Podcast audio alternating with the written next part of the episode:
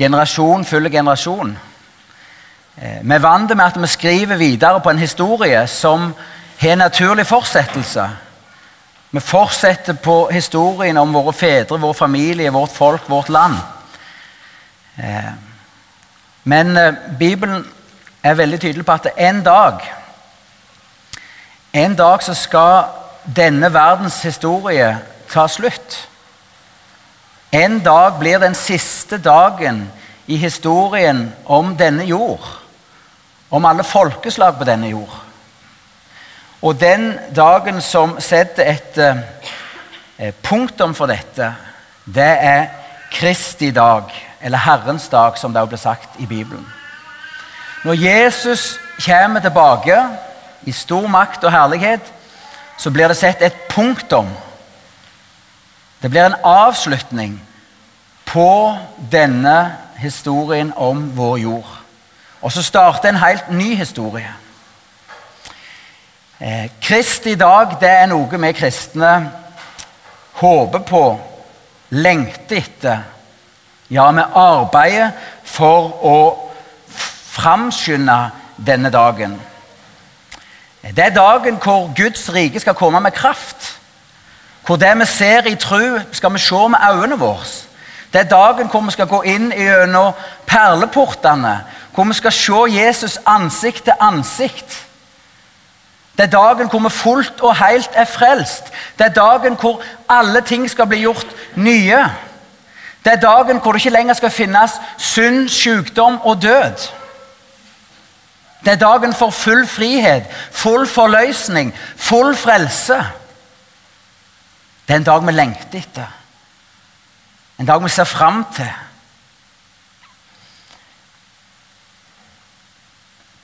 Men det er også en dag med et alvor over seg. Kristi dag, Herrens dag, det er også dommens dag. Det er dagen hvor det blir for seint å kalle på Herren til frelse. Det er dagen hvor ei dør blir lukt for evig og alltid. Det er dagen hvor det er et innforbi og et utforbi. Det er dagen for frelse og fortapelse.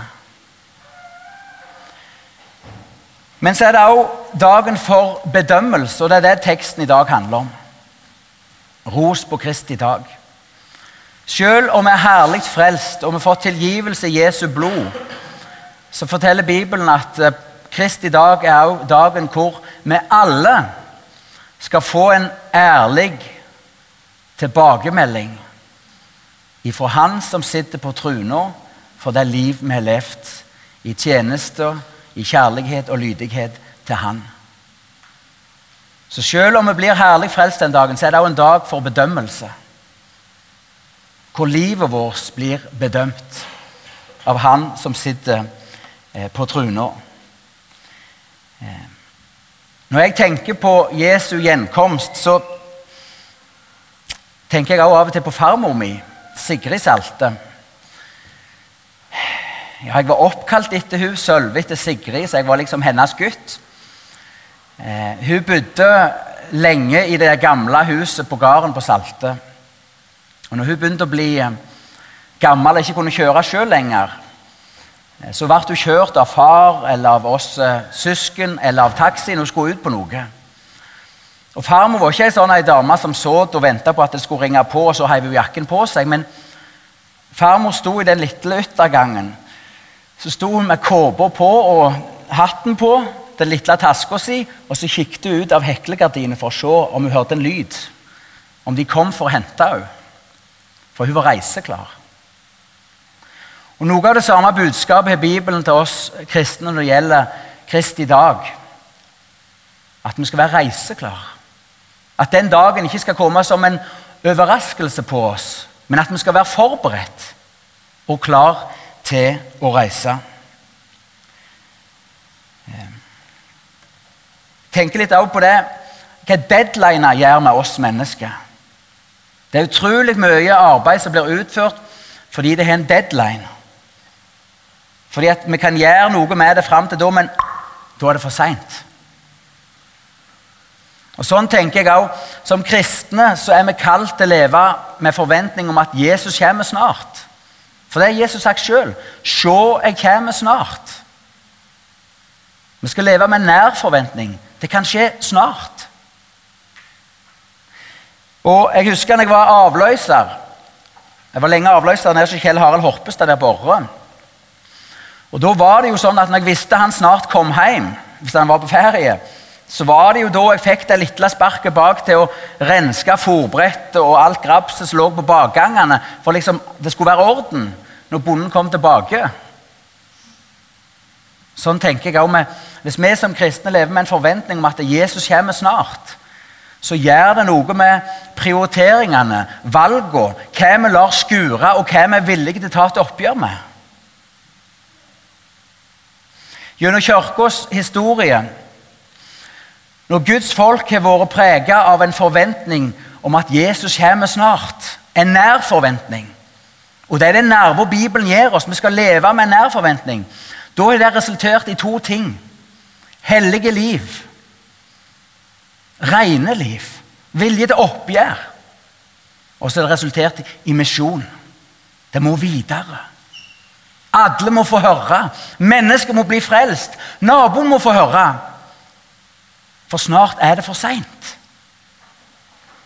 Og det er også min bønn for oss om at det budskapet om Kristi dag om det kunne sette og bli en drivkraft i oss til hellige liv, til vilje til å renske opp og til misjon. Det må videre. Alle må få høre. Vi skal lese det som er teksten i dag. Og Jeg leser fra Filipperne 2, og vers 12 til vers 18. Mine kjære, det var alltid lydige medan jeg var hos dykk. Så vær det enda mer nå, når jeg er borte, og arbeid på dykkers frelse med respekt og ærefrykt. For det er Gud som er verksam i dykk, så det både vil og gjør det som er etter Guds gode vilje. Gjør alt uten murring og misnøye så det kan være lytefrie og reine, Guds ulastelige born midt i ei vrang og villfaren slekt. Mellom dei skin det som stjerner på nattehimmelen, når det holder fast på livsens ord. Og da skal jeg få den ros på Kristi dag, at løpet mitt og strevet mitt ikke har vært bortkasta. Ja, om så jeg sjøl skal ofrast når jeg gjør altertjeneste og bærer dykker tru fram som et offer, er jeg likevel glad og gleder meg sammen med dykk alle. Likeens skal det òg være glade og glede dykk sammen med meg. Dette avsnittet om Kristi dag, om å være som et lys i verden, om å holde fast på livsens ord, om å leve rent, nettopp i påvente av denne dagen. Det er et vers i forrige kapittel i Filipperne som setter tonen. Som setter en ramme for det vi skal høre nå i dag, og også for livet vårt. Og Det er Filipperne 1 og vers 27. Der står det Så gjelder det bare at det lever et liv som er Kristi evangelium verdig. Lev et liv som er Kristi evangelium verdig. Da blir det ros på Herrens dag. Da blir vi lys på den mørke nattehimmelen. Da lever vi liv som ærer Gud. Jeg holder på å lese en bok, det vil si, jeg leste for en tid tilbake, men så ble jeg ikke ferdig, og så tok, fant jeg den fram igjen når jeg skulle forberede meg til, til denne talen. Og Den boka heter 'Ikke kast bort ditt liv'. Engelske tittelen er 'Don't Waste Your Life'. Og Så er det bilde på framsida av sånn, akkurat sånn um, rute som du kan velge på nett hvis du skal klikke deg inn på noe. Det er bilde av et fly, altså reise. Det er bilde av mat, nytelse. Det er bilde av en treningsmanual, trening. Og så er det mange ting som kan være godt i livet. Men så er forfatterens budskap, og det som også er Bibelens budskap, at vi lever for noe større enn alle de tingene som så lett bare kan bli hele vårt liv. Vårt liv er satt inn i en større sammenheng der vi lever for noe mer enn neste ferie. Påbygget på huset, som kan være godt og tjenlig. Nye hytter, bedre helse, eller hva det måtte være. Det er ikke hele livet. Det er ikke det vi dypest sett lever for. Vi lever for noe større. Vi lever for å ære Gud. Vi et, ønsker å leve liv som er Kristi evangelium verdig. Han som har kjøpt oss med sitt blod. Og Det tror jeg er utrolig lett for oss. At livet vårt bare blir her og nå. Det blir til få endene til å møtes denne uka. Det blir alt det vi ønsker, nytelsen vi vil ha, maten vi vil ha, helsa vi vil ha. Alt det vi vil ha. Og kanskje det skyldes litt at Krist i dag blir noe der i det blå. Ja, generasjoner er kommet og gått, hva blir det vel med hans gjenkomst? Jeg tror for at våre liv skal ha den rette nerve, spiss, kraft, så trenger vi å på ny få høre budskapet om at se, han kommer snart. Lev et liv som er Kristi evangelium verdig. Så du kan få ros på Kristi dag. Jeg skal ta et par punkt av det som står i det verset som vi leste nå, som leder fram til eh, ros på Kristi dag. Eh, det som står, som gjerne mange av oss gode lutheranere mest har litt problemer med, det står jo 'arbeid på dykker frelse' med frykt og beven, sto det i min gamle oversettelse. Her står det med respekt og ærefrykt.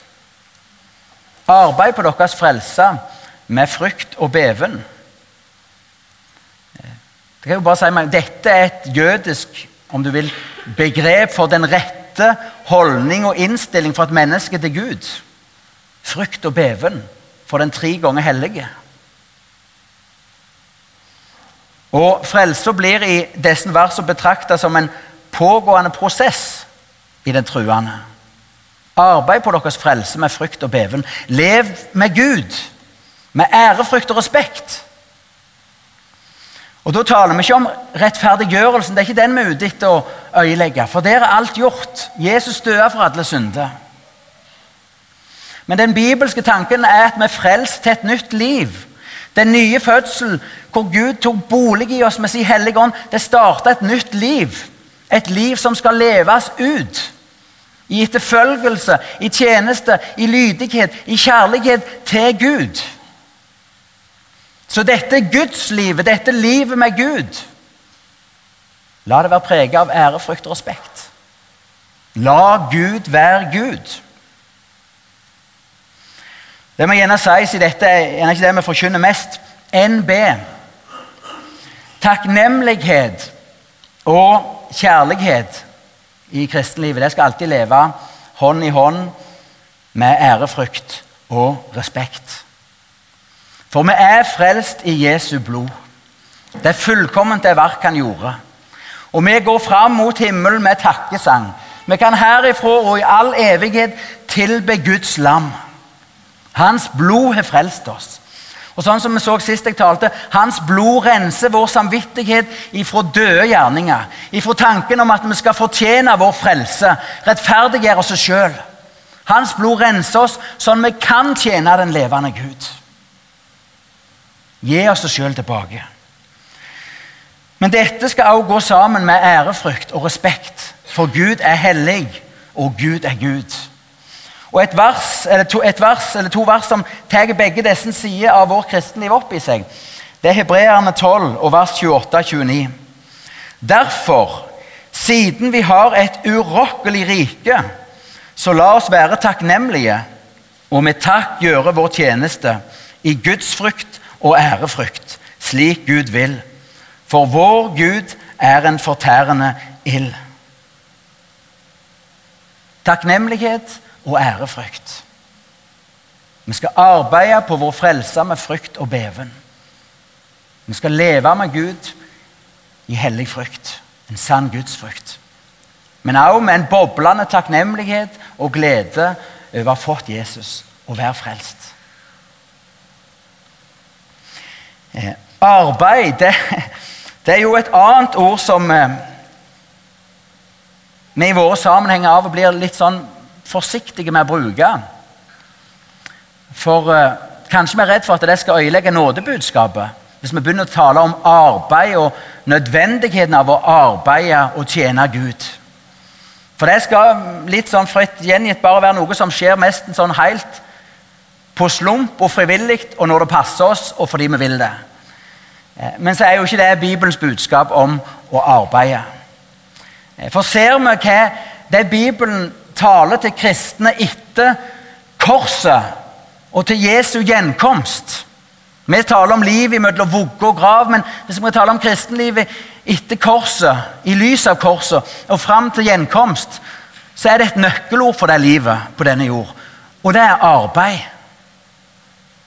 Høsten er moden, men arbeiderne er få. Det er mye som skulle vært gjort, men det er få som vil gjøre det. Arbeid raust og rikelig. Første kor 1558. Oppstandelsesverset. I lys av Jesu oppstandelse, hva er oppfordringen til oss? Arbeid. Hva sa Jesus om den kloke og gode tjener? Jo, det var han som forvalta og arbeidet mens han venta på Kristi dag, mens han venta på sin Herres gjenkomst. Så ventetid er arbeidstid. Sånn er det i Guds rike. De gikk og arbeidet i vingården. De ble invitert vekk fra stå og henge og til å begynne å arbeide. Så ventetid er arbeidstid. Akkurat her i dette verset så er det arbeidet på om du vil helliggjørelsen. Veksten og modning, og at Jesus skal vinne skikkelse i oss, som er fokus. Men ventetid er også arbeids- og misjonstid. Gå ut i all verden og gjør disipler. Tror vi at det medfører arbeid? Alle som prøvde å oppdra unger, vet at det skjer ikke på en slump. Og Skal verden vinnes for Kristus, skal mennesker bli gjort til disipler, så kreves det ufattelig med arbeid. Tålmodighet. Si det igjen og igjen. Og også for våre egne liv.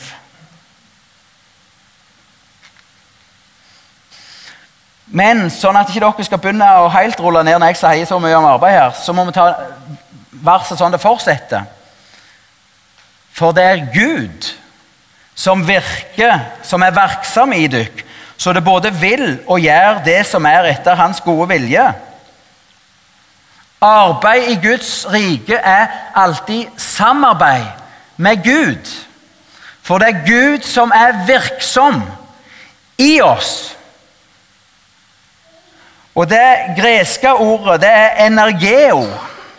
Gud er energeo i oss.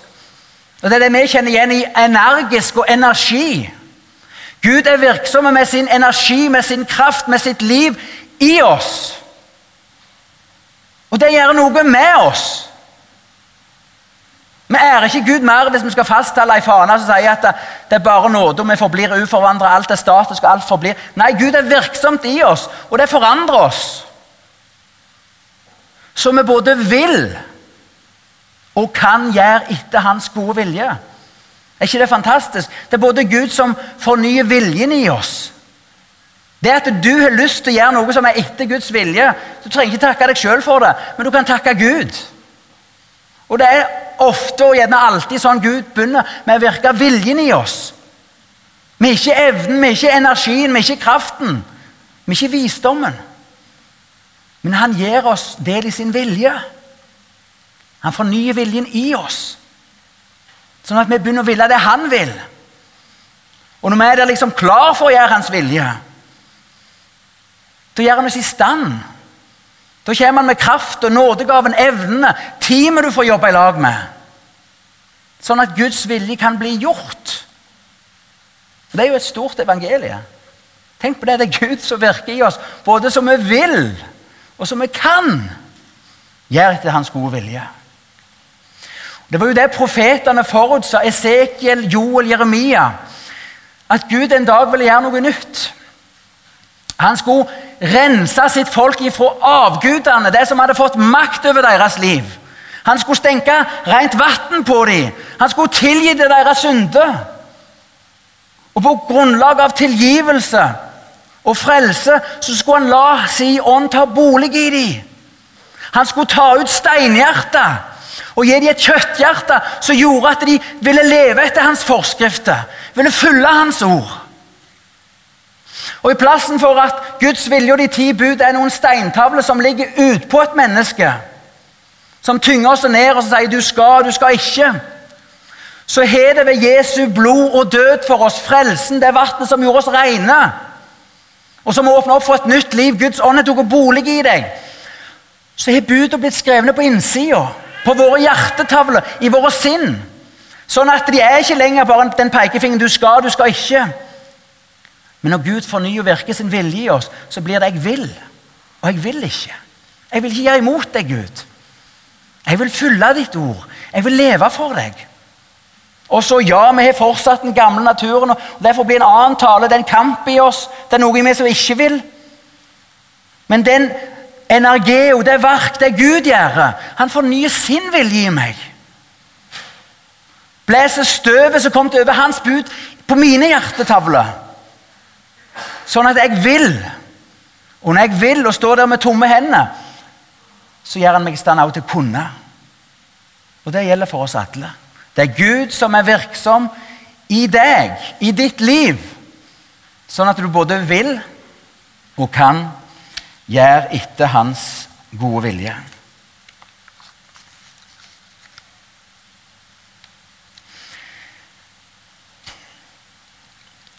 Av og til så kan vi være mest opptatt av det som ikke går.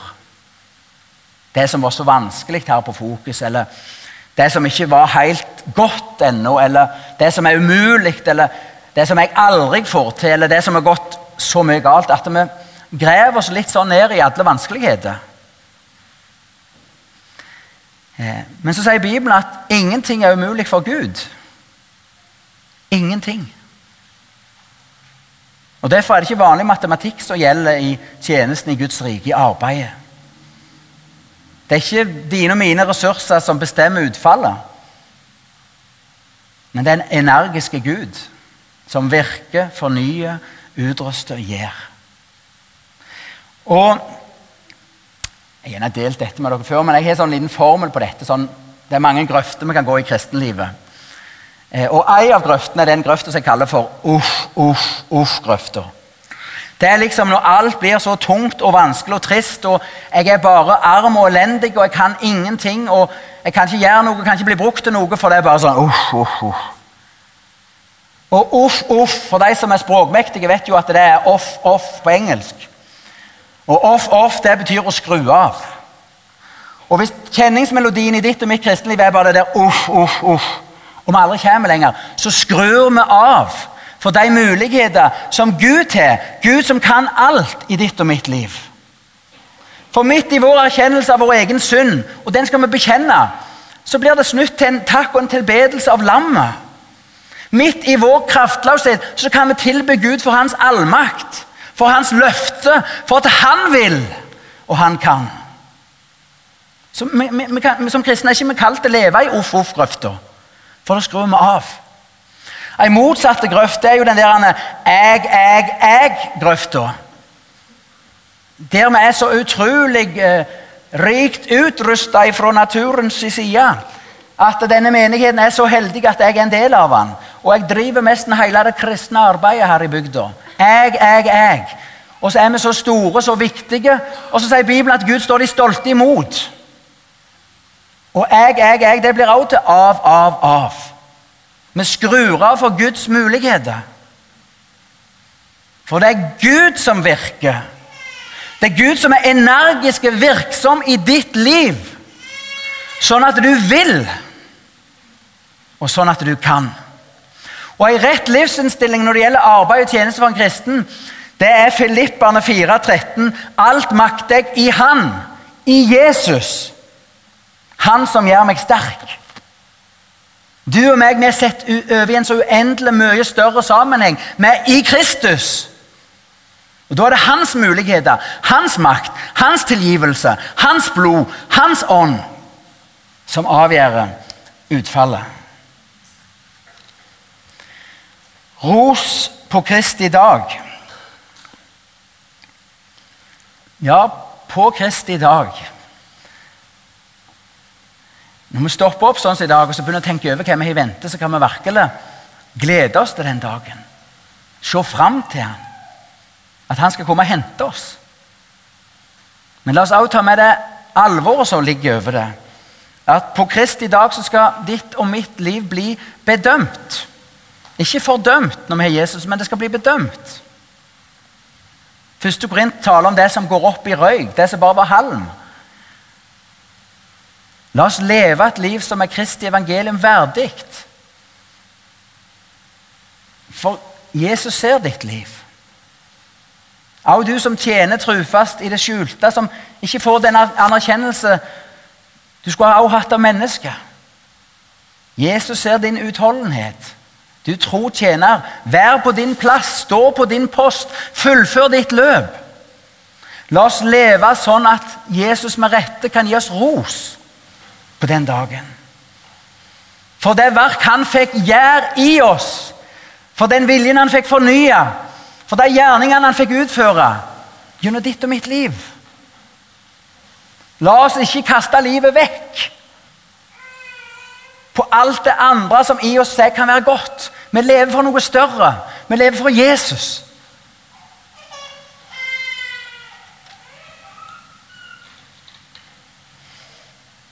Så la oss arbeide.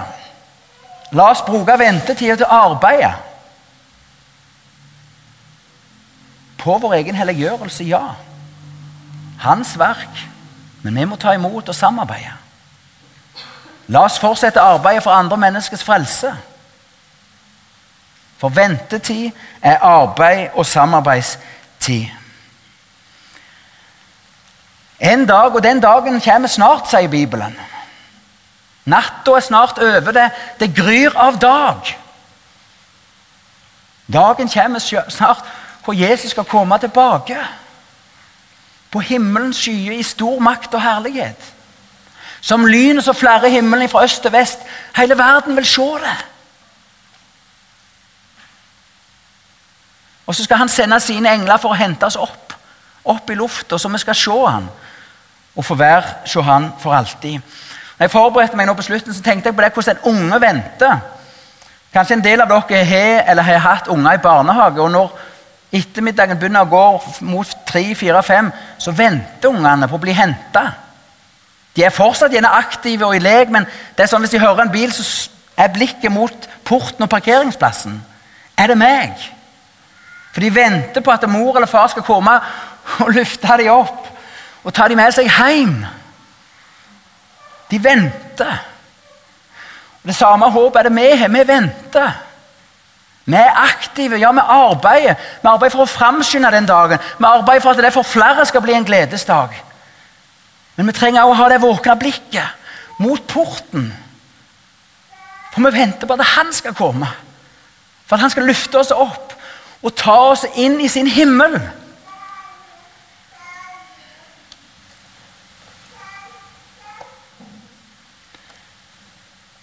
På latin så har vi et eh, begrep som heter 'å stagnere'. Eller vi har jo det til norsk. Og det kommer av eh, stagnum. Stagnum betyr innsjø uten avløp. Det vil si en innsjø der det bare renner inn, men det renner ikke noe videre. Det er ikke noe sirkulasjon. I Israel har en to forskjellige innsjøer. Genesaretsjøen og han har Dødehavet. Genesaretsjøen så renner Jordanelva inn i nord og ut i sør. Det er sirkulasjon, og det yrer av liv. Bibelen forteller jo om rike fiskefangster. Dødehavet, det er dødt. Det er ikke noe liv, det er ikke noe sirkulasjon, det er ikke noe puls. Og Som kristne så er vi kalt til å være mennesker som ikke stagnerer. Til å være som et genesaretsjø som stadig mottar tilgivelse, nåde, veiledning, hjelp, liv ifra Gud. For han er rik nok for alle, og han er rik nok for all god gjerning. Det renner, og det renner rikt. Åndens liv som blir beskrevet som rennende vann. Men så trenger vi som kristne også å være kristne med avløp, som gir videre. For vi blir bare oppblåste ballonger hvis vi bare skal ha og ha, ha, men vi trenger å gi det videre. Er dere med på det bildet? Vi er så avhengige av å få og få. Men for at det skal bli liv, så er vi så avhengige av å gi. Gi det videre. Ikke hindre Guds verk i oss, men ta imot Hans verk, Hans energi, Hans kraft, Hans nåde, Hans liv for oss og i oss. Så la oss leve liv som er Kristi evangeliet verdig. La oss ikke stagnere, men stadig ta imot og gi det videre. Sånn For Gud han ønsker å kunne gi oss ros på Kristi dag. For det verk han fikk gjøre i deg og gjennom deg. La oss be. Kjære Jesus, jeg takker deg for håpet om himmelen. At det er et urokkelig rike vi har i vente. Noe som står fast. Og takk, Jesus, for at du sier i ditt ord at 'se, jeg kommer snart'. Luft hovene, luft blikket og se. Jesus, og Det ber jeg om, om at du med, ditt, med din ånd må gjøre det verk i oss. At du må hjelpe oss til å ta del av den delen av Bibelen og det livsens ord. At det må bli til liv for oss. At du kommer snart. At det ikke bare er sånn at dag følger dag og natt følger natt. Men en dag så setter du punktum. En dag så er frelsestida forbi. En dag så kommer ditt rike med kraft. En dag er dommens dag. Jesus, la dette budskapet forbli ei kraft i oss til å leve hellige liv. Lyteløst og rent, som teksten sa. Og la det forbli ei kraft i oss til å arbeide for andre menneskers frelse og også på vår egen helliggjørelse, sånn at du får vinne skikkelse i oss. Vi ber om det i Jesu navn. Amen.